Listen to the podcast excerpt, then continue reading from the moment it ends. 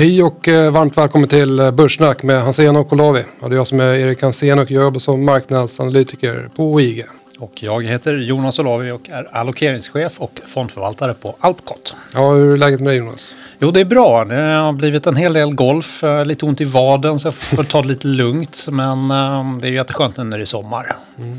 Själv då? Ja, men det är bra. Det är bra. Det är skönt att värmen här. Mm, verkligen. Så det känns bra. Det känns bra. Eh, och vi har då kommit till avsnitt eh, 125 och vi spelar in det här då en eh, solig torsdag den 20 maj. Och Börssnack är då en podd från min kära arbetsgivare IG. Hos IG kan man handla allt från aktier, index, råvaror, FX, krypto och räntor. Och många marknader handlas dygnet runt. Jag kommenterar marknaden på IGs Twitter, Instagram och på YouTube.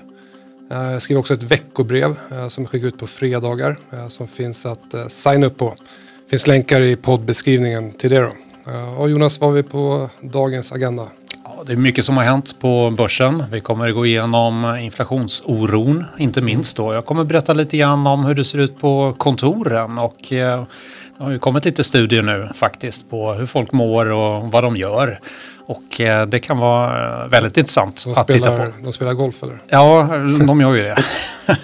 Men eh, vi har också med oss några case. Men eh, det är inte nog med det. För vi har faktiskt med vd för ett bolag vars app är en av mina favoritappar. Exakt, det digitala magasinbolaget Readly. Mm. Maria Hedengren. Varmt välkommen till Börssnack. Tack ska ni ha. Jättekul att du är här. Ja, väldigt roligt att vara här. Ja. Hur är läget? Det är jättebra. Ja. Hur många är det på kontoret nu då?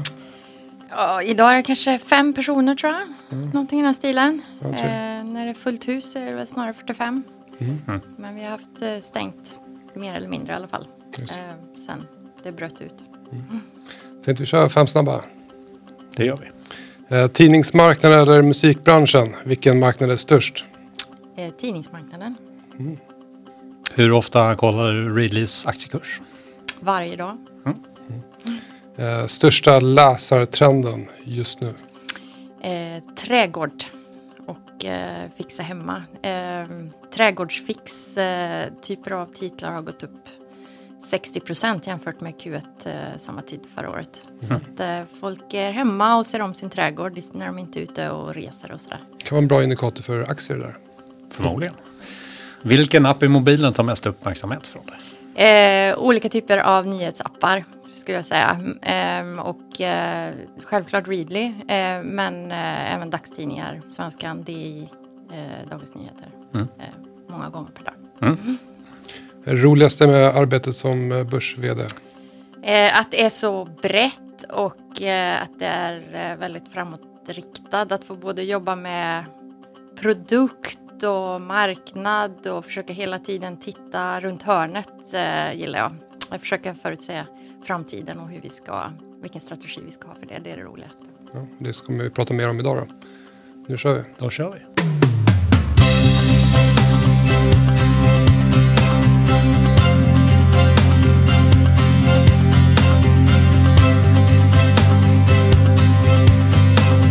Börssnack med Hansen och Olavi. Ja, Stockholmsbörsen och de ledande Europabörserna har egentligen bara rört sig sidledes de senaste veckorna utan någon tydlig trend. I de här faserna så brukar slagen vara kraftiga både på upp och nedsidan och det har vi också sett här senaste tiden. Varken köpare eller säljare har taktpinnen. Ehm, och kollar på för, för, Sverige så har ändå fastighetsaktierna eh, gått eh, starkt de senaste veckorna. Mm. Gått bättre än börsen som helhet. Mm. Jag har sett att många fastighetsaktier har gjort nya årshögsta. Jag kollar på index över techbolagen så ser de ut att uh, utmana trendstöd från coronabotten förra året där. Uh, det är fler uh, techbolag nu som har gjort nya 52 veckors lägsta än 52 veckors högsta. vilket sällan är liksom en stark positiv signal för, för trenden i alla fall. Uh, halvledarna i USA har uh, brutit upp trenden där från coronabotten. Uh, kollar på råvarumarknaden så har kopparpriset tagit en liten välbehövlig paus i upptrenden. Uh, timmerpriset har korrigerat den paraboliska upptrenden mm. som vi har sett senaste månaderna. Uh, och uh, timmerpriset tillsammans med Homebuilders index brukar ju vara en så här bra ledande indikator för den amerikanska ekonomin.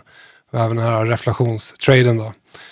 Eh, när vi får divergenser mellan timmerpriset och S&P 500 så brukar det ofta sammanfalla med större toppar i marknaden. Då. Men det ser vi inte nu, kanske eventuellt eh, andra halvåret. Eh, Bitcoin, Mm. Jonas, som du brukar prata gott om. Mm, Eller? eller hur? Det är min favoritvaluta. Exakt. Ja, men Bitcoin har ju skakat av sig många svaga händer. Eh, något som en marknad brukar göra. Eh, ligger i dens natur och eh, jag tror alla som, eller de flesta som handlar Bitcoin borde ändå vara medvetna om att det brukar ske större drawdowns eh, tid från annan. Mm. Eh, kollar vi på historien, jag har en graf framför mig på större drawdowns. Eh, 2011 eh, 81 procent eh, från topp till botten. Eh, 2012 så följde 38 procent. 2013 71 procent. 2014 66 procent från en topp till botten. Då. Mm. Eh, 2015 46, eh, 2016 30 procent, eh, 2017 30 procent, 2018 80 procent eh, drawdown. Eh, 2019 50 procent, 2020 eh, hade vi en drawdown på 50 procent. Och nu har vi haft en drawdown på drygt 40 procent under 2021. Då. Så att, eh, stora svängningar där. Det verkar som om det är en valuta för de som gillar eh, ont i magen. Ja, Kan man beskriva det så? ja precis. Eller, eller så är du bara bitter av att vi har missat eh, tåget. Jo, så kan det också vara. Ja. Eller så eh, har vi en, eh, en filosofi där vi inte handlar i sådant som inte är statsunderstött. Ja, just det. Men annars då Jonas, eh, känslan för börsen? Jag tycker det är en tråkig period vi är inne i nu då. Det är väldigt slagigt. Och när marknaden väl får lite fart så är det väldigt korta ryck uppåt. Mm. Ehm, jag har ju en del eh, techbolag eh, men även en del banker i portföljen så jag har lite växelverkan då. Men det är svårt att få liksom, fart i, i portföljen när det rör sig slaget i sidledes här då. Så att eh, jag räknar med att det kan fortsätta ett tag till här nu då. Sen juli brukar vara en stark börsmånad och jag har ju huvuddelen utanför Sverige då i portföljen. Så att eh, det är framförallt marknaden utanför Sverige som är, är, är starka. Inte minst den amerikanska marknaden brukar gå väldigt bra i, i juli där. Så vi får hoppas på en liten eh, uppgång igen då. Men jag tycker att många bolag behandlas eh, inte efter prestation utan efter rotation av flöden. Många bolag har ju uppvisat fantastiska eh, resultat och vi har ju pratat om rapportperioden där trots att man då slog förväntningarna så har aktierna generellt sett gått ner då. Det kan man ju fråga sig om det är helt relevant. Men det känns som om placerarna inte riktigt vet vilket ben man ska stå på och den kortsiktiga handeln blir ju mer eh, så att säga den tar en större del av kakan känner jag då. Eh, någonting som jag tycker är intressant eh, det är ju att eh, om man kollar på defensiva aktier mot cykliska aktier. Mm. Eh, kollar vi då främst, eh, vi kan börja först kolla i USA. Så ser det ut som att vi ser någon typ av trendskifte där. Även i Europa så har faktiskt defensiva aktier mot cykliska börjat visa lite bottentendenser. Mm. Och ja, det är spåret av att cykliska aktier har ju gått väldigt starkt senaste året. Eh, och det vore inte heller konstigt att man får de här kortsiktiga eh, rotationerna. Där vi förmodligen, jag tror i alla fall att eh, under andra halvåret här 2021 så tror jag att det finns många defensiva bolag som kan visa fortsatt styrka. Novo Nordisk, danska hälsojätten, har ju brutit upp från en stor konsolidering. Axfood också brutit uppåt. Schweiziska hälsovårdsbolaget Roche som farmakillen eh, pratade gott om här i podden Mm. för några månader sedan Mm. är på väg att bryta uppåt. Jag tycker det caset ser superspännande ut. Det är ett bolag som är stora inom cancer. Uh, så att den aktien tycker jag också ser intressant, intressant ut. Mm. Uh, en defensiv sektor, uh, förutom då hälsovård, fastigheter, det är också energi. Och det kan ju tyckas vara lite konstigt med tanke på att energi brukar ändå vara lite volatilt.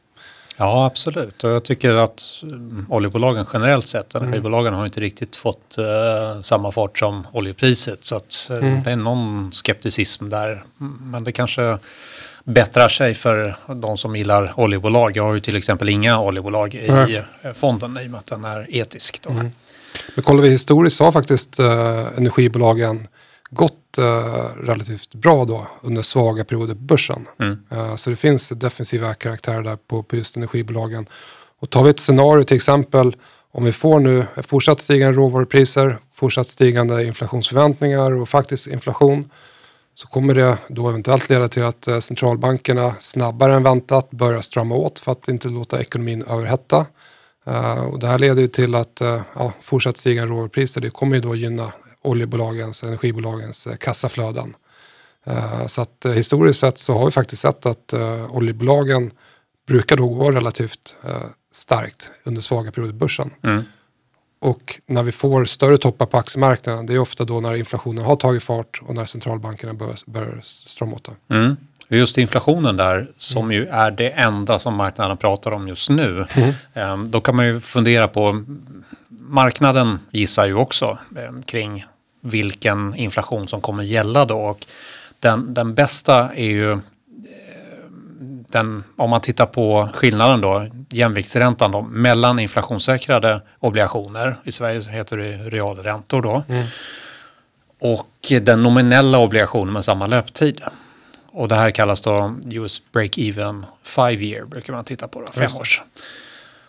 Men om fem år så ligger den här lägre än break-even obligationen. I marknadsspråkstermer så innebär det att marknaden säger att inflationen är under kontroll. Det vill säga de säger de går egentligen centralbankernas eh, lov att um, okej, okay, vi, vi, har koll på läget, det kan skjuta över men det kommer mm. bara vara tillfälligt och då kan man fundera om det är det. Tittar man på mer här, USA-konsumenter till exempel så tror de att inflationen kommer ligga på 5,7 procent nästa år. Makroekonomerna tror på 2,95. Mm.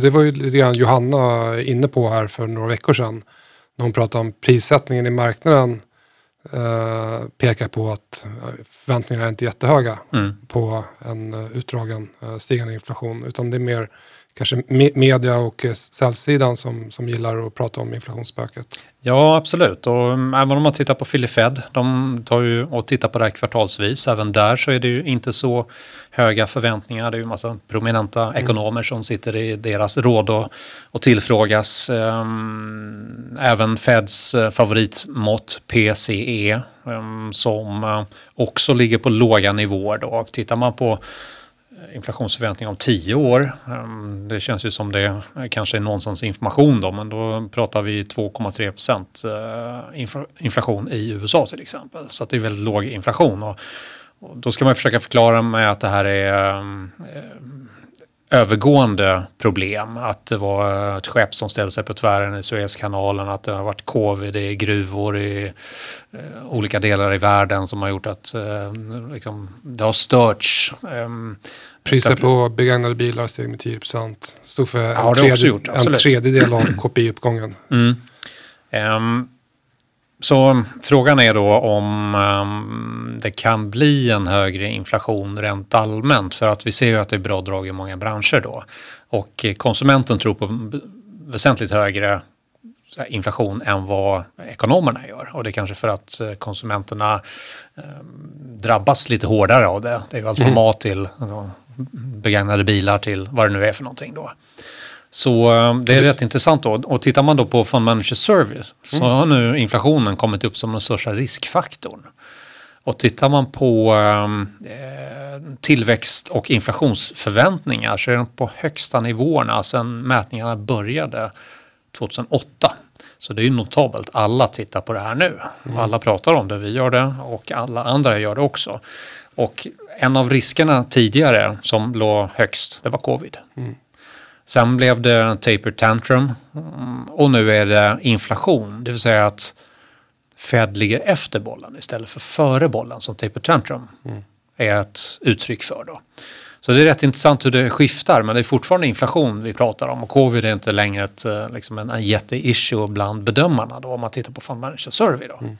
Och de med Fund Manager Survey de sa i princip att inflationen var död för ja, två år sedan. Mm. Uh, så att ja, sällan som kanske flocken ligger rätt placerad. Ja men så är det absolut. Men, men, det som jag tycker också är intressant är att det var lite Fed-ledamöter i senaste mötet där som uttryckte lite oro för inflationen. Mm. Vi kunde se det i protokollet som kom här Exakt. på onsdagen. Mm. Så att det är klart att de funderar kring det och har kommer att behöva agera någon gång där framme då. Men jag tror att de kommer att sitta på fingrarna mm, eller på händerna nu under det här året och så får vi se om de börjar med att uh, pysa ut den här enorma balansräkningen. Nu ska ju i och för sig då det lånas upp ofantligt mycket pengar för att uh, satsa på infrastrukturella investeringar. Så att och se att den där bubblan pyser ut eller att uh, företagen istället har den uh, så att säga, facklan och springer känns också lite svår att, att mm. mäkta med. Då. Så att de kommer behöva fortsatta underskott och uh, låna pengar för att driva sin tillväxt. Det ska ju repareras vägar i tio år här framöver så att det behöver man pengar för. Och en argument också för att inte vara, få panik för en stigande inflation i USA det är ju också att realräntorna är fortsatt låga. Mm. Och arbetsmarknaden är ganska långt ifrån full sysselsättning. Så, eh, så att de behöver ju ha, vara tålmodiga eh, mm. och låta arbetsmarknaden eh, också komma upp till, till målen. Då. Mm. och de har sagt att de kan tillåta att inflationen drar iväg mm. över målen under en utdragen period. Mm. Jag, jag tittade lite grann på det här med realräntor och mm. prissättning på andra tillgångar. Och om man tittar på realräntor kontra S&P 500. Jag kommer lägga ut alla de här graferna så alla kan titta på dem eh, under helgen där då. Och fallande realräntor är generellt positivt för börsen eftersom sämre avkastning på obligationsmarknaden innebär att there is no alternative. Då måste du köpa aktier. Tina. Tina, helt enkelt. Tittar man på um, realränta mot dollar så fallande realräntor är negativt för dollarn eftersom det är en lägre räntekompensation kompensation, och det ger sämre förutsättningar för carry trades. Så det är då dollar negativt. Då. Nu har ju realräntorna fallit tillbaka lite grann och det har också dollarn gjort. Då. Det var ju efter eh, Fed-beskedet senast här då som de föll tillbaka lite grann. Och när dollarn faller och realräntan då stiger en ädelmetall kanske? Mm. Tittar man då på guld och ters så är det ehm, fallande realräntor positivt för guldet. Precis. För att anses vara en bättre hedge mot inflation istället för räntemarknaden. Så att har vi också sett en liten uppgång här i, i guldpriset. Mm. Så du var helt rätt på det. Men så tar vi ditt käraste äh, betalningssätt då, bitcoin. Hur är relationen där tror du? Uh, nej, jag tror det finns svårt att dra någon stark korrelation mellan realräntan och bitcoin. Jag tror bitcoin styrs mer av det allmänna risksentimentet i, i marknaden. Du har helt rätt. Det, okay. det, går inte att hitta något samband mellan Nej. de här båda komponenterna. Då. Tittar man på realränta och amerikanska fastigheter till exempel och realränta, nu är vi i USA då, när vi pratar om det här då. Ehm, så tycker jag att ehm, det är ganska oklart det här sambandet då. Det är en svag korrelation då.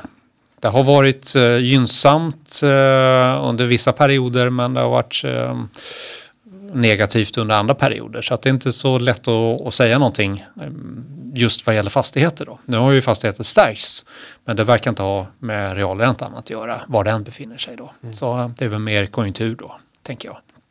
Och om man då tittar på banker då, globala banker. Relativt oklart men optiskt sett så finns det en relation. Och som sagt alla får värdera det här utifrån optisk analys. Jag har inte gjort en matteberäkning på det här då. Men um, det finns ju såklart en relation att stigande realräntor generellt sett är positivt för bank eh, och fallande negativt. Nu har det varit en rusning i bankaktier men det är väl snarare för att konjunkturen håller på att uh, ta lite fart här. Så um, det är också lite svårt att ha någon sån här jättestark um, korrelationssyn på det. Och tittar man sen på IT-aktier så är stigande realräntor positivt för IT-aktier och eh, fallande um, ska vi se här, fallande är ju naturligtvis också positivt. Så det går inte heller att, att se mm. någon relation då. Så det är lite konstigt där att man har kanske inte kan dra de slutsatserna av var realräntan som ju makroekonomer gärna svänger sig med. Att det är väldigt viktigt att titta på den då. Mm. Vad får det för implikationer på tillgångsklassnivå då? Det tydligaste kanske är guldpriset, tänker jag, med mm. realräntorna. Ja. I alla fall enligt min mening. Uh, men jag vet att du har med lite observationer kring uh, hur kontorsmarknaden mm. eventuellt kan se ut i framtiden. Mm, precis, det var en undersökning som gjordes av Chicagos universitet och en kille som heter Becker Fridman. Och då har man tittat på ett icke namngivet uh, asiatiskt techbolag med 10 000 anställda, alla gick hem under covid. Och då har man sen sett hur jobbar de när de är hemma. Och det här är rätt intressant för um, det är säkert inte så att det är isolerat för det här bolaget utan det är nog mm. så var det har varit. Då. Var det asiatiskt? Ja, asiatiskt var det. Ja. Och um, det som hände var att folk jobbade fler timmar mm. initialt när de kom hem och började sitta och jobba istället. Då. Men det, det funkade bara under en månad. Sen föll den där eh, liksom, antal arbetade timmar per månad och det var väl så att man kanske försökte göra lite klart av det man höll på med och så och sen så kom man in i vardagslunket då. Um, och, och det här är ju då data som så att säga, bolaget har tagit fram, inte självskattningar att hur mycket jobbar du egentligen? Är du på golfbanan eller inte? Utan man har ju kunnat kolla vad de gör och, och sådär då. Och tittar man då på um, hur mycket de fick gjort, eh, var de produktiva? Nej, det visar sig att produktiviteten faktiskt sjönk. Mm. Och det här är lite intressant utifrån ett arbetsgivarperspektiv då. Um, det var ju så att det sjönk ganska snabbt, den här produktiviteten. Så trots att du spenderar mer timmar framför din skärm så fick du mindre gjort. Du blir mindre effektiv helt enkelt. Och mycket handlar om att man kanske var hemma och har man familj och barn så tog ju barnen mer uppmärksamhet och det, mm, bolaget menar att det här är ju någonting som då framförallt drabbar eh, kvinnor då. Och det kan man ju ehm, föreställa sig kanske även om alla ska vara med och dela då. Och om man tittar på, de flesta var med i fler videocalls men man spenderar väsentligt mindre tid att arbeta ostört. Man spenderar mindre tid att nätverka. Mm. Det är lite svårt om man bara kan göra det digitalt och man spenderar mindre tid på coachning av andra eller att ta emot coachning från chefer. Så eh, det här var ju rätt intressanta eh, findings. Um, det finns också anekdoter om att risktagandet ökar. Därför man har, har, inte någon sån här kaffebreak eh, när man står, vid, ja, står och surrar lite grann och kommer med dåliga idéer. Det är ingen mm. som säger emot en när man sitter hemma och kommer med dåliga idéer. Det finns anekdoter om att eh, en stor hedgefond eh, gick åt pipan just därför att man inte var på kontoret hela tiden. Man tog för stora risker. Så då var det ingen som kollade ens positioner och kunde ifrågasätta det och ta den här diskussionen som man behöver göra när man sitter med portföljförvaltning. Då. Ja, just det. Så det, det, var lite intressant. Ehm, och konklusionen då är ju att um, räkna inte med att tjänstemän kommer att stanna hemma i större utsträckning även om det kommer bli ökad flexibilitet. Men som en cliffhanger då ska vi ju nämna att uh, nästa vecka som gäst så mm. kommer vi ha Biljana Persson som är vd på Kungsleden som har eh, tydliga åsikter om hur eh, arbete förmodligen bedrivs i framtiden och hur kontorsmarknaden ser ut. Mm. Så det blir intressant. Jätteintressant uh, att lyssna på det. Då. Mm. För jag vet, där har vi haft lite olika åsikter kanske. Mm. jag vet inte om, om, du menar på att det kommer bli så att de flesta kommer gå tillbaka till kontoret fem dagar i veckan eller om det kommer vara lite mer flexibelt? Jag tror att det kommer vara lite mer flexibelt ja. men jag tror inte man ähm, äh, lämnar kontorsyta utan du kommer mm. samma yta kvar. Vi ser ja, också trender i Kungsleden där eh, kunder vill att en, dess anställda ska ha egna rum till exempel. Mm. För att man inte ska sitta i de här öppna miljöerna. Mm. Och minsta lilla förkylning då kommer du bli snabbt ombedd att inte komma till jobbet. Så mm. att, uh, mer flexibilitet tror jag och det passar säkert de flesta. Mm. Men inte att det kommer slå så mycket på kontorsmarknaden. Men det får vi höra mer om nästa vecka då. Absolut, men jag tog faktiskt fram några enkäter också uh, när jag hörde att du skulle prata om det där. uh, för att uh, om man kollar på en enkät från Internetstiftelsen så var sammanfattningen där att åtta av tio av de som har arbetat hemifrån under pandemin, pandemin tycker att det har fungerat bra. Två av tio som har jobbat hemma under pandemin anger att de har arbetat fler arbetstimmar än tidigare. Eh, nio av tio som arbetat hemma under pandemin vill fortsätta göra det i framtiden. Eh, en annan undersökning från eh, Sifo visar att de flesta vill jobba hemifrån minst en dag i veckan i framtiden. Och en annan undersökning visar att var tredje skulle tacka nej till ett jobb om de inte kan arbeta på distans. Framförallt då kvinnor i åldrarna 30 till 49 år har ett stort behov av att jobba hemifrån. Eh, så att, eh, ja, vi får se hur det blir i framtiden. Mm. Jag tror att arbetsgivarna är de som kommer att bestämma i framtiden i alla fall. kan de göra.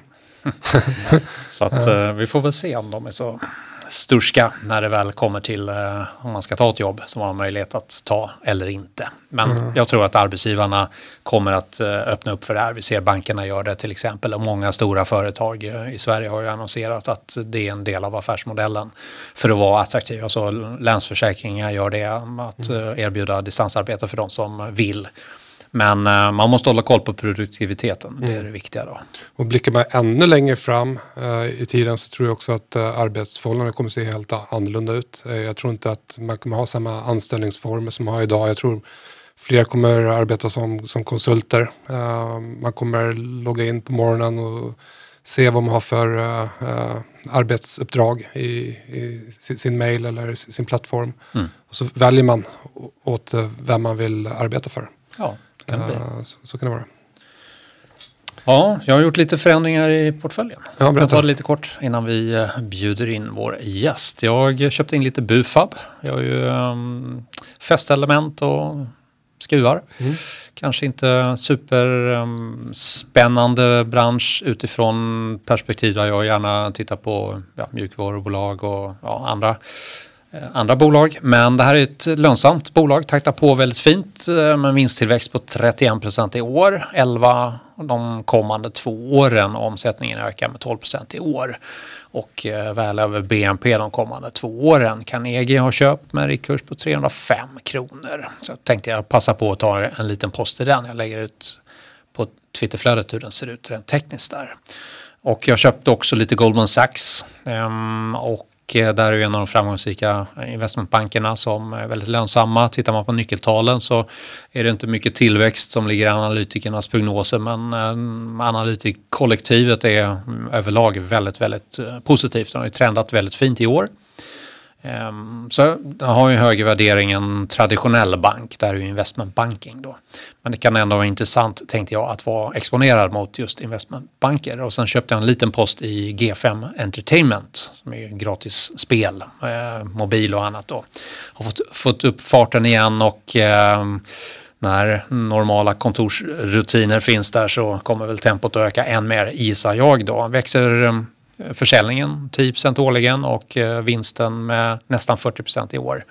Och eh, 25% årligen kommande två åren och det här till P tal på 20 och under. Så att PEG-talet är väldigt attraktivt för det här bolaget. Får vi se om det är så klokt att kliva in i ett eh, bolag som mm, ändå vars värdering kanske ligger eh, snäppet lite högre men jag tycker att PEG-talet var väldigt, väldigt attraktivt och aktien ser ut att bottna på stigande trendstödet. Och sen idag så var det två portföljbolagen som kom med lite roliga nyheter. Dels var det ju Embracer mm. som gjorde ett kanonresultat, självklart. Mm. 28 procents eh, ebitda över förväntan. Mm, det är ju inte illa det och omsättningen 4% bättre än väntat. Har långt gångna diskussioner med ett 20-tal olika motparter och har under kvartalet haft hela 150 olika företag som har velat ehm, och vill säkert fortsätta att ansluta sig till det här fantastiska bolaget. Har 17 miljarder i kassan och eh, bedöms växa med 70 procent i år. Och nästa, enligt analytikerna av vinsten, med eh, blygsamma 487 procent i år. Då. Det är väl okej. Okay. Och 32 procent i underkant eller i, förlåt, 32 procent nästa år. Det här är nog i underkant eftersom det här är ett förvärvsbolag.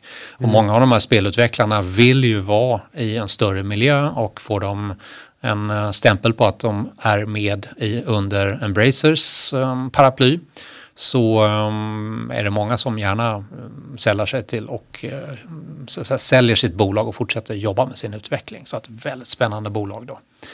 P-tal på 25.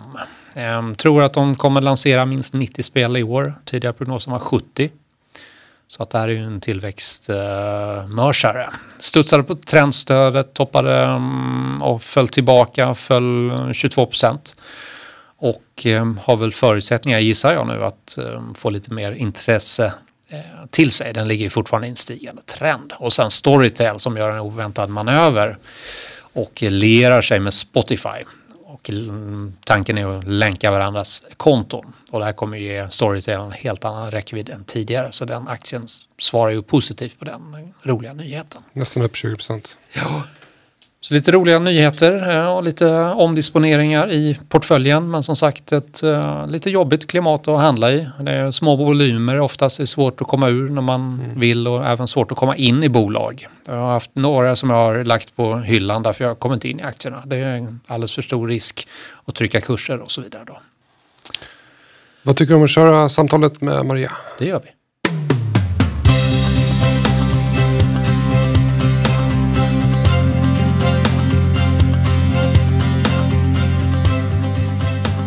Ja, välkommen tillbaka till eh, podden Maria. Eh, om du ska förklara för lyssnarna, eh, för de som inte riktigt känner till Readly. Jag tror de flesta kanske känner till bolaget. Men kan du berätta lite grann mer om, om bolaget och eh, varför man ska ladda ner appen på sin mobil? Eh, Readly är ju en app där man får tillgång till obegränsat med läsning av eh, omkring 5000 olika typer av magasin och tidskriftstitlar eh, på en och samma ställe. För bara 99 kronor i månaden får du läsa precis hur mycket du vill. Och Eh, våra största marknader är Tyskland, eh, följt av Sverige och UK, men vi finns i 11 länder.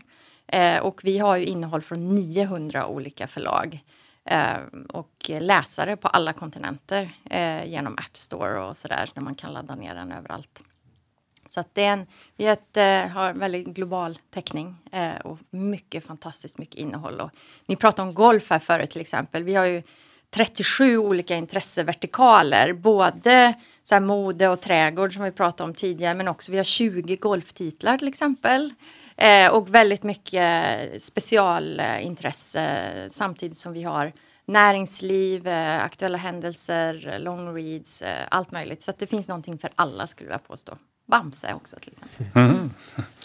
Hur stor del av eh, magasinmarknaden är digitaliserad? Eh, den är förvånansvärt lite digital skulle jag säga. Eh, PVC då som eh, hela tiden följer upp på magasinmarknadens storlek. Eh, de eh, förutspår att eh, 2024 kommer ungefär 29 procent av marknaden vara digital. Eh, så det är fortfarande ganska låg penetrationsgrad och det inkluderar annonsering. Tittar man bara på själva läsarintäkterna, lösnummerpriser, prenumerationsintäkter och så, då, då blir den siffran inte mer än 13. Eh, så det är fortfarande en, en, eh, enorm marknad, tre gånger större än, än musikbranschen faktiskt, men som eh, har fortfarande sin linda när det gäller digitala, mm, digital penetration. Mm. Men den digitala andelen ökar hela tiden. Så det är en, en, eh, en, transformation som pågår inom den branschen. Mm. Har pandemin påskyndat den transformationen? Eller? Eh, ja, det liksom alla eh, typer av digitala tjänster tror jag så har det ju stöd, stött den digitala utvecklingen. Mm. Eh, och eh, jag tycker både på kort sikt men jag tycker också det är intressant att se vad som händer på lång sikt i och med att eh, det är snack om att en del eh, digitala tjänster kanske kommer att gå ner igen när folk är tillbaka på jobbet och inte sitter hemma och kollar på Netflix hela dagarna. Eh, men om man tittar på våran bransch så är ju fortfarande den underliggande digitala vanan fortfarande ganska tidigt. Så jag tror att longtail-effekten av eh, den här skjutsen eh, som digitala vanor har fått kommer att vara mer markant. Positivt tror jag för en bransch som magasin. Mm. Men när tror att den här tipping pointen kommer för just uh, magasinbranschen. Man kan jämföra lite grann med, med Spotifys resa uh, ja. som gjort liknande inom musikbranschen. Ja. Eh, hur ser du om du blickar fram? När... Jag önskar att jag hade en kristallkula. Som sagt var, PVC tror att 2024 så kommer ungefär en, ja, knappt en tredjedel att ja. vara digital. Så jag tror det är ett tag kvar innan vi har eh, den här riktiga snöbollseffekten. Eh, men jag skulle bli förvånad om det inte går lite fortare än vad PVC har förutspått. Det, det är min spaning. Men eh, um, jag tror att eh, många gillar fortfarande att kombinera digital läsning och kanske ha ett print eh, Vogue på coffee table eller någonting i den stilen. Det går lite långsammare tror jag inom magasinen än vad det gjorde inom musikbranschen. Ett bolag som till struktur kanske lite grann påminner om er, det är ju Storytel då. Mm. Och jag såg nu att Storytel och, och eh, Spotify de ska slå lite påsar ihop där så att man ska kunna nyttja varandras eh, kanaler då. Är det en uh, dröm samarbetspartner, Spotify, för er? Eh, alltså Spotify är ju fokuserad på äga ljudsektorn. Eh, eh, och vi tittar lite på ljudartiklar och sådär men jag tror magasin är väldigt mycket en, en eh, visuell upplevelse för många också. Eh, även om vi har vissa longread-artiklar som jag tror gör sig väldigt väl för ljud så eh, mycket av många magasin handlar om bilderna. Eh, att kunna titta på det man läser om. Om det är bilder på fiske eller eh, skidåkning eller trädgård eller vad det är. Så jag är inte säker på att det översätter sig till 100 procent men någon form av komplement kan ljud absolut vara till en tjänst som Readly så det får vi väl se. Mm. Ja. Spännande. Ni gjorde en eh, IPO i höstas. Uh, tre dagar innan introduktionen så meddelade ni att uh, två av era största förlag i Sverige sagt upp sina avtal. Hur hanterar man en sån situation som, som vd och hur har liksom senaste året på börsen varit? ja, det var ju en, ett tufft moment när det här inträffade naturligtvis. Jag tror den stora utmaningen då handlade ju om eh, kommunikation. Att få eh, alla berörda parter och marknaden att förstå hur, hur effekten eller hur lite effekten egentligen skulle komma vara. För att det är ju två väldigt kända brands i Sverige. Men i det stora hela med tanke på att vi finns i 11 länder med 900 förlag så, så var inte det make it or break it för oss. Och då var det hur kan vi på väldigt kort tid verkligen få eh, folk att förstå det. Eh, så det var bara all hands on deck. Eh, vi jobbade dygnet runt eh, med det. Eh, men jag tyckte att eh, under omständigheterna så gick det väldigt bra och jag brukar säga att drakar lyfter i motvind. Så det var ett, ett, perfekt tillfälle att verkligen få se vilken bra grit vi har och samarbete och så på Readly. Så att, jag tyckte vi klarade det väldigt bra. och hur det har varit därefter ja, det har varit både spännande och roligt. Eh, vi har levererat tre kvartalsrapporter nu eh, där vi levererar till våra finansiella mål. Vi exekverar på vår strategi. Eh, så jag tycker vi har varit, eh, varit väldigt kul och varit väldigt stolta över vad vi har kunnat rapportera till börsen. Eh, men sen är det ju turbulent eh, naturligtvis. Ehm, både techsektorn generellt med sektorrotation och oro för andra makroekonomiska saker. Så det ju det vet ju ni också hur det ser ut. Eh, börskursen har inte varit eh, jätterolig på sista tiden kan jag mm. säga. Så det har varit eh, mycket sol och lite regn däremellan också. Mm. Det har varit lite överhäng där. Ett, ett bolag som har sålt ut en del aktier som kanske har tryckt ner kursen också. Ja, det är ju eh, vår största aktieägare då som har varit mm. en fantastiskt stöd för oss ända sedan 2014. De har ju varit väldigt committade till bolaget under lång tid och investerat massa pengar. Men de har ju också en cykel naturligtvis och eh, deras lockup gick upp så det, det har säkert påverkat en del också. Mm. Jag tänkte på mm, precis i samband med introduktionen så kändes det som intervjuerna med dig var att du blev ansatt. Du fick liksom svara på frågor istället för att prata om varför det är så bra med Readly. Ja, ja. Um, och kursen nu befinner sig ju där den gör då. Vad är det som marknaden inte förstår med det här liksom, fantastiska redskapet som det ändå är. Det är väldigt lättillgängligt. Ja, vad jag, vad jag tror en del kanske inte förstår i alla fall. Eh, dels är hur enorm marknadspotentialen är.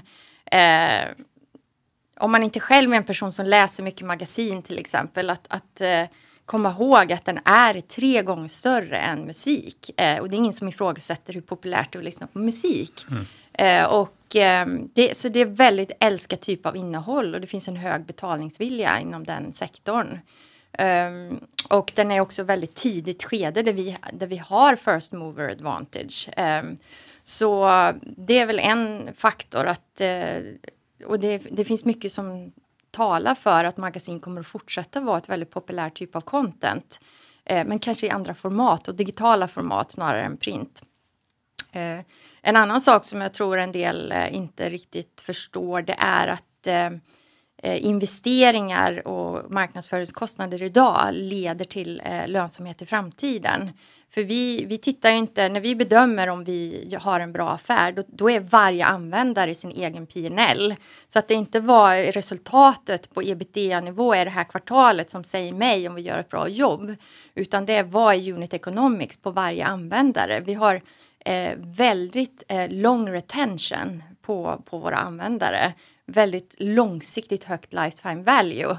Eh, och då när man hela tiden investerar i tillväxt idag, då, då blir det förlust på bottom line idag. Men att det är väldigt god ekonomi i de användare som, som kommer in till oss och stannar under väldigt lång tid. Så det är någonting jag tycker man ska tänka på att det här är ett långsiktigt case eh, med en tydlig strategi eh, för profitability. Men vi prioriterar tillväxt idag eh, framför lönsamhet. Den kommer om fyra till fem år har vi sagt. Då, då. Eh, vad finns det mer ehm, som man kan ha missuppfattat? Det är väl de två huvudfaktorerna som jag kommer att tänka på. En annan sak är också hur robust vår affärsmodell faktiskt är. Eh, ibland jämför man ju oss med musik till exempel och um, Spotify och sådär. Det finns vissa likheter. Eh, men ehm, eh, en sak där vi skiljer oss är att förlagsbranschen är inte lika koncentrerad på utgivningssidan som musik är. Vi har ju samarbeten med 900 olika förlag, vilket gör att vi blir inte lika sårbara för att ens, enstaka förläggare som Bonnier eller någon annan lämnar. Och, eh, förhandlingssituationen blir lite annorlunda, den blir mer dynamisk och eh, Ehm, vi har ju varit väldigt framgångsrika med att bygga ett enormt fint content library över många år och bevisat att, att det fungerar och att vi är populära bland förlagen.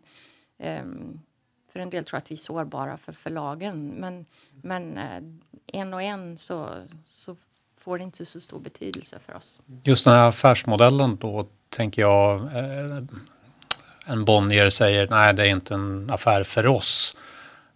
Hur ser modellen ut så att säga? Mm. Modellen är så att vi delar ju våra intäkter som vi får in från prenumeranterna med förlagen.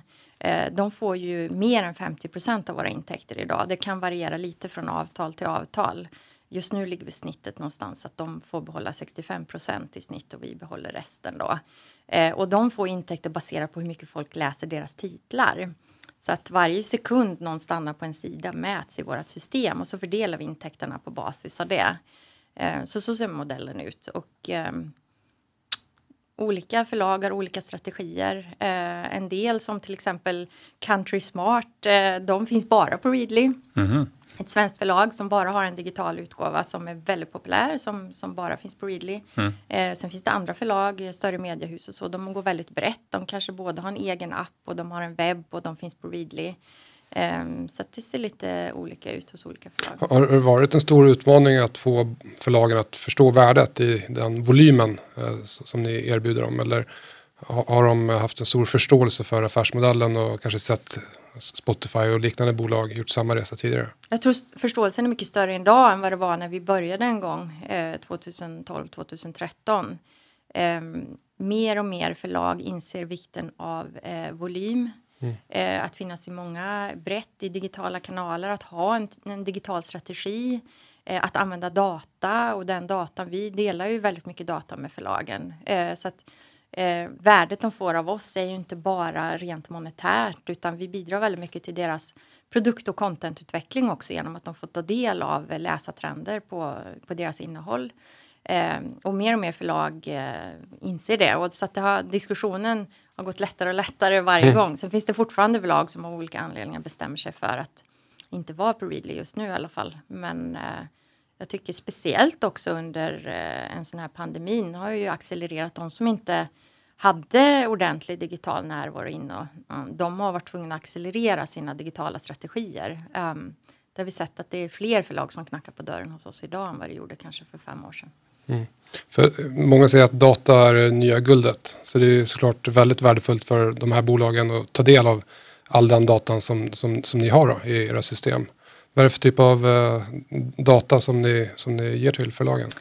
Eh, den är ju helt anonymiserad naturligtvis. Mm. Vi lämnar ju inte ut persondata eller sådär. Men eh, vi kan ju säga exakt eh, var det en man eller en kvinna, eh, vilket åldersspann, vilket land, vilken sida började de läsa på, vilken sida slutade de, hur länge stannade de eh, och tittade på cover, vilka annonser har de studerat länge och vilka hoppar de över, vart gick de sen, vart kom de ifrån? Så vi, vi, vi, har så här, ja, vi är uppe i omkring 35 miljarder datapunkter nu tror jag. Eh, och eh, vi har ju alltid delat någon form av data och en del förlag är väldigt framåtlutade och kastar sig över den här datan och det är en viktig input till hur de upp, så här, utformar sin nästa upp, eh, upplaga. Eh, men nu har vi också utvecklat en, en väldigt avancerad och lättanvändlig dashboard eh, produkt som heter Readly Insight eh, där man ändå på C-level-nivå väldigt enkelt kan studera beteenden i sina magasin, vad man tjänar pengar på eh, Eh, och eh, till och med benchmarka sina titlar eh, mot kollektivet av en golftidning till exempel. Hur bra går den i förhållande till totala golftidningarna på Readly? Och det är ju data som de aldrig kan få access till på något annat sätt. Så att, det är en kommersiell tjänst som vi håller på att rulla ut det här året. Då. Så det mervärdet för ett förlag är större än misstanken om eller hotet att det kannibaliserar på en digital produkt där de ju får mindre per användare. En tidningsprenumeration för mig på ett magasin kanske kostar 600-700 kronor per år och här är ju 99 kronor, jag kan läsa vad jag vill så att säga.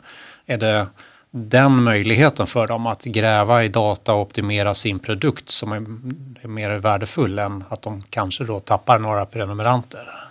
Eh, de studier som eh, som vi har sett och som en del förlag själva har utfört tyder på väldigt låg kannibalisering. Okay. Eh, det, det, är eh, lägre, ett par procent kanske. Och eh, vad det beror på, det är olika saker, men de når mycket bredare krets.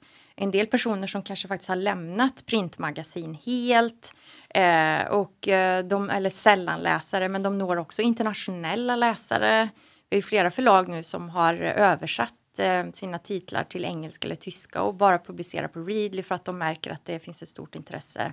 Jag tror 20% av alla titlar som öppnas på Readly är en titel från ett annat land än det läsaren faktiskt bor i. Mm -hmm. eh, så det, det, finns många olika typer av, av eh, värden. Eh, dels att det är låg kannibalisering men också den här datan och rena intäkter utan någon som helst produktionskostnad. Eh, sen kan de addera läsningen till sin cirkulationsstatistik som de använder när de ska sälja annonser. Så vi kan stötta dem på väldigt många olika sätt, eh, både direkt monetärt men också indirekt stötta hela deras affär. Mm, just det. Eh, jag har noterat att uh, era kunder är väldigt engagerade. Uh, de läser mycket och stannar länge som, som kunder. Förutom att erbjuda en bra produkt, hur gör man egentligen för att få engagerade kunder. Ja. Eh, kanske finns lyssnare av podden här som tänker, eh, planerar, eh, starta en app och vill liksom få bra engagemang bland kunderna. Hur gör man? Ja, det finns ju massa olika saker som vi jobbar med. vi är ju väldigt datadrivna så vi har ju väldigt avancerad, detaljerad kunskap om vad är det för typ av beteende som korrelerar med long term retention och vad är det som korrelerar med eventuell churn. Och, eh, det är väldigt viktigt att få upp diversifiering och frekvens att man går in ofta och att man tittar på många olika typer av ämnen och titlar. Så där jobbar vi ju med både CRM och eh, utvecklar våra recommendation engines så att man hela tiden presenterar mm. nya spännande saker. Eh, en annan sak som vi har börjat jobba med de senaste 12 månaderna det är ju dagstidningar. Det gäller att ha en en, en eh, spridd frekvens. Så att det inte bara är att dina favoritmagasin, ditt golftidning kommer ut så en gång i månaden. För då har du bara anledning att gå in där en gång i månaden. Eh, dagstidningar märker vi ökar frekvensen och läs, eh, den genomsnittliga lästiden eh, ganska markant eh, i UK och Sverige till exempel. Vi har ju 40, ungefär 40 titlar idag i sex länder. Eh, så det har varit, vi, vi är en magasinapp men det är väldigt bra komplement för att driva engagemang. Så bra produkt, eh, bra frekvensmix på innehållet, bra CRM-rutiner. Mm. Eh, det är några av faktorerna skulle jag säga. Eh, AI, maskininlärning, är det någon Absolut. som ni använder? Ja. Till exempel i rekommendationerna? Precis. Mm. Ja. Och där tror jag vi, vi har mycket kvar att, eh, att ge. Jag tycker att vi kan bli ännu bättre på det. Så att vi jobbar mycket med produktutveckling nu. Det har mm. vi ju pratat om ända sedan vi tog in de här pengarna i IPO att en hel del av de pengarna går till att vidareutveckla produkten och göra den ännu mer avancerad när det gäller just rekommendationer eh, till läsarna. Jag, jag känner faktiskt eh, Patrik som du, som du jobbar med. Ja. Hur sköter han sig på jobbet? Han sköter sig bra. Härligt. Ja. Eh, jag är musikintresserad. Eh, finns det någon ehm, Kommer jag kunna se notböcker och tablatur och sånt? Skulle det kunna vara en det vet man aldrig. Nej. Nej. Just nu är vi, fokuset är ju um, tidskrifter och magasin. Um, så jag tror på att uh, hålla sig till det man är riktigt bra på. Sen mm. hur vi vidareutvecklar det. Eh, vi har ju adderat dagstidningar nu. Eh, mm. Det får vi se lite längre fram. Ehm, För då lovar jag att stanna länge. Ja, okay. Vi ska nog hitta Men om, Det är många som, eh, eller nästan alla som följer den här podden är ju eh, ekonomiskt intresserade. Ja. Vilka ekonomiska dagstidningar har du om du får Nej, det, ekonomiska dagstitlar har vi inte. Eh, eller dagstidningar? Nej, ah, okay. nej, nej, det har vi inte. Däremot har vi mycket analyserande magasin, Forbes och Bloomberg och mycket näringslivstitlar som jag vet att eh, många som följer börsen och så tycker eh, analyserande artiklar om företagsledare, olika trender i samhället och sådär. Eh, men eh, den finansiella pressen idag ehm, inom näringsliv, de eh, har lite annan fokus och kan ta väldigt höga prenumerationsavgifter. Eh, till exempel för att ofta kanske det är arbetsgivaren som betalar och det är en annan typ av eh, betalförmåga hos den kundkretsen också. Så att än så länge har vi inte det. Jag hoppas att någon gång i framtiden att det kommer se annorlunda ut. Mm. Du nämnde ebitda eh, mm. tidigare, eh, rörelseresultatet före eh, av och nedskrivningar. Är det på grund av att vi kan förvänta oss avskrivningar eller hur ser det ut? Nej, det är väl mer för att det korrelerar lite mer till cashflow och sådär. Så, mm. det, det har bara blivit, vi har ju eh, aktiverade utvecklingskostnader men vi har inte särskilt mycket av det skulle jag inte säga. Så att det är ingen, idag är det ingen stor uh, skillnad mm. mellan de två måtten. Hur mycket pengar går mot uh, marknadsföring eh, versus investeringar i produkten? Eh, traditionellt sett så har vi investerat mer i marknadsföring och mm. en stor del eh, går ju fortfarande till det. Eh, vi är ju rätt skalbara på OPEX-sidan till exempel. Um, vilket ju är fantastiskt med vår modell. När vi går in i ett nytt land till exempel så uh, vi gick in i Australien och Nya Zeeland här helt, uh, ja det var i april, mitt när pandemin bröt ut. Uh, så vi kan ju lansera helt nya länder utan att ha lokala kontor eller lokala människor. Um, så det, det, är ju en av faktorerna till att vi kommer att kunna gå mot lönsamhet i framtiden. nu anställer vi mer folk på, på utveckling eh, rekryterar mycket både inom data science och, och utvecklare och så. så att, eh, men eh, så tanken är ju med tiden att vi kan skifta ner lite marknadsföring och skifta upp eh, produktutveckling. Ehm, men vi kommer fortsätta investera i varumärke, i eh, direktkonverterande kampanjer och sådär. Mm det här låga priset i Sverige då, 99 kronor, är det samma liksom, låga nivå i alla länder som ni? Ja, det är det. Ja. Ungefär 9,99 euro i euroländerna, 7,99 pund i, uh, i UK. Så, så det är motsvarande. Skulle man inte kunna ta dubbelt?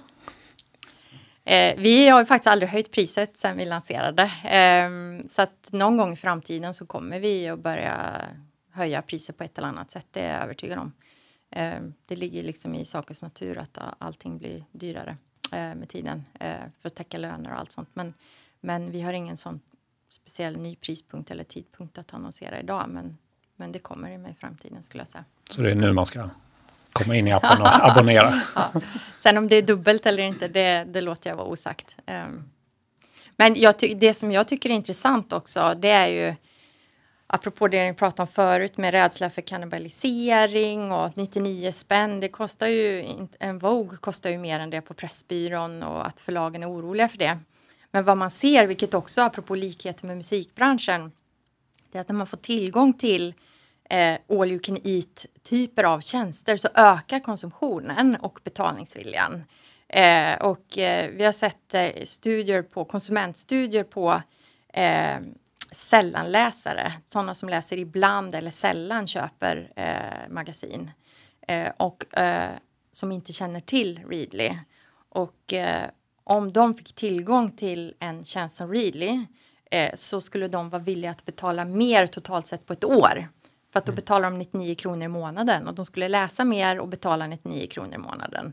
Eh, och då ökar den totala monetära omsättningen i branschen mm. jämfört med att bara köpa ett par nummer när man eh, sitter på Arlanda för man ska åka på semester. Så att, eh, det, det, expanderar också den totala omsättningen i branschen på sikt. Även om enstaka månadspriset förefaller lågt. Mm. Vilka är era främsta konkurrenter? Det ser olika ut i olika marknader. Det finns ingen konkurrent idag som vi möter liksom globalt i alla våra marknader utan det är oftast lokala spelare skulle jag vilja säga. Eh, I Sverige finns ju förlagen själva har några appar till exempel. Ehm, det fanns ju en, eh, en Storytel, apropå Storytel hade ju en, en tjänst som heter Story som de precis har annonserat att de lägger ner. Um, I uh, Frankrike, Tyskland, UK och så finns det lite andra lokala spelare men ingen som har samma täckning mm. som vi har. Apple är inne på den här marknaden men de finns i USA och UK idag och de har väsentligt lägre antal titlar och inte samma fokus tror jag som vi har. Så att, uh, det är lite spritt. Mm. De har ju å andra sidan större resurser. Så att, det har de och det jag tycker är, är, också intressant det är um, när man är i en så tidig fas av en transformation och inte alla känner till uh, företeelsen så är det oftast positivt för alla i branschen att det finns lite konkurrens. Uh, vi såg när Apple lanserade i USA Eh, för ett och ett halvt år sedan kanske Eh, och började marknadsföra i USA så såg vi att vi egentligen inte utan att göra någonting så började våra användarsiffror ticka upp också. Eh, och eh, det, man pratar mycket om det i, inom Netflix till exempel och streamingvärlden där att när Netflix tog sig an eh, streaming av eh, filmer och serier. Det var det bästa som hände i hela branschen för mm. alla började växa väldigt mycket när de drog igång. Eh, så att, eh, det, vi är väldigt paranoida med konkurrens men det, där vi befinner oss idag så är det inte bara negativt med någon som Apple som är inne och drar loket. Liksom. Mm. Den emission ni gjorde, jag kommer inte ihåg vad som har skrivits där, men kommer det räcka till lönsamhet eller kommer ni behöva dra in pengar för expansion? Eller? Den täcker strategin fram till eh, positivt EBT inom 4 till 5 år. Mm. En avslutande fråga. Uh, livet som börs kan inte alltid vara enkelt. Uh, det är tuffa beslut som ska tas. Uh, hög press både från styrelse och aktieägare. Hur och vad gör du för att få ihop livspusslet? Eh, jag beter mig som Skalman. Har, eh, man ska äta då, man ska sova då, man ska träna då. De grejerna kompromissar jag väldigt sällan med. Mm. Och eh, när jag prioriterar bra kost, god sömn och mycket träning så på något sätt så lyckas jag få allt annat gjort också. Mm. Både familj och jobb och sådär. Man blir... Vad är träningssysselsättningen då? Jag tränar styrketräning mycket, ja. fyra, fem gånger i veckan. Mm. Och sen så mycket långa raska promenader. Eh, både i naturen och på, på löpbandet. Och sådär. Träna, sova, äta. Bra tips. Bra tips. Stort tack för att du kom till Tack för att jag fick komma hit. Stort tack. Lycka till. Tack.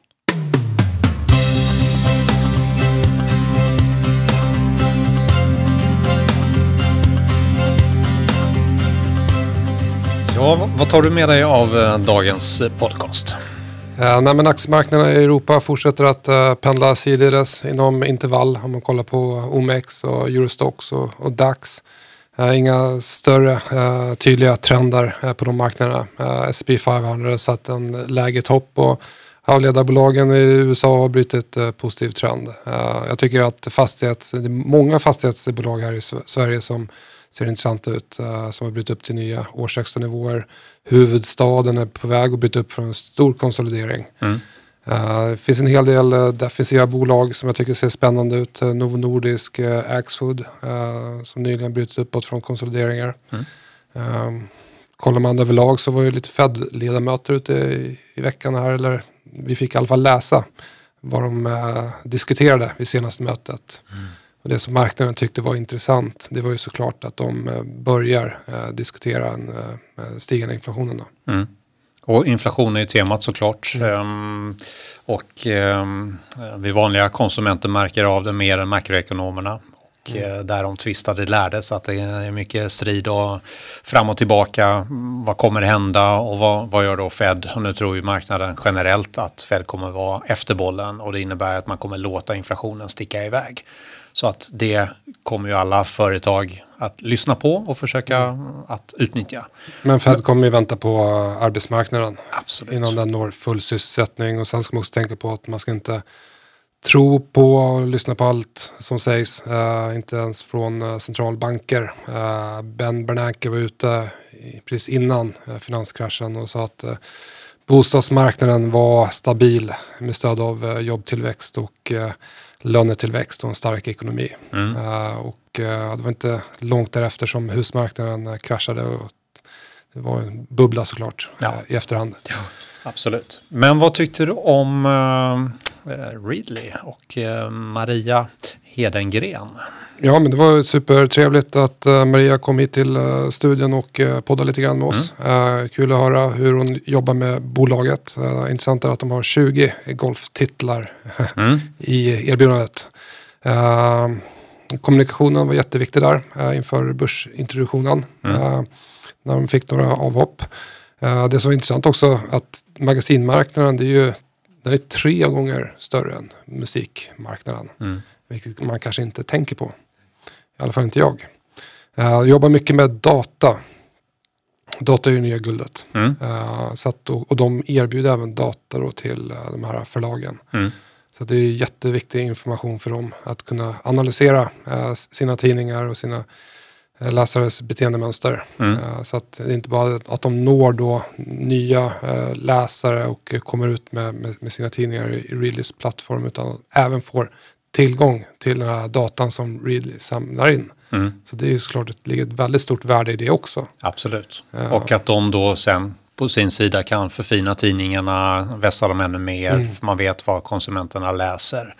Och det var då inte ett problem, eller det var så att det var ju egentligen en större konkurrensfördel eller uppsida för de här bolagen, förlagen, än att eh, de kanske blir av med några abonnenter. Mm.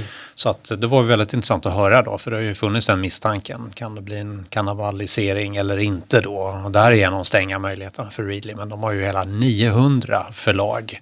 Mm. Så eh, jag tyckte det var intressant att höra. Pengarna räcker till positivt kassaflöde och eh, man finns på väldigt många marknader. Mm, störst är UK, Tyskland, Sverige. Just det. Uh, intressant också att lyssna på hur de förklarar hur, hur viktigt det är när man är i tidigt skede i att förändra en marknad. Att man inte är ensam utan det, man gynnas av att det finns fler aktörer mm. i marknaden och de har ju med Apple som också hjälper till i den här uh, digitaliseringen av just uh, magasinbranschen. Då. att man inte ser det som negativt bara att det finns konkurrens utan i tidigt skede så är det positivt att det är flera aktörer som är med och drar i uh, digitaliseringen. Mm. Ja, det var väldigt spännande. Det är en app som jag använder och gillar och man kan ju vara fem stycken abonnenter på en, mm. en, uh, en kund så att säga. Så att uh, familjen är också uppe. I och för sig så lyssnar barnen nästan bara på musik och läser inga magasin men de kanske gör det någon gång i framtiden. Vem mm. vet. Jag hörde att Bamse fanns. det har de väl passerat i och för sig. Mm. Ja, med de orden tycker jag vi rundar av dagens sändning. Bolag som nämns här eller fonder är inga rekommendationer, det är observationer och eh, vi hoppas att ni har en riktigt trevlig helg. Trevlig helg.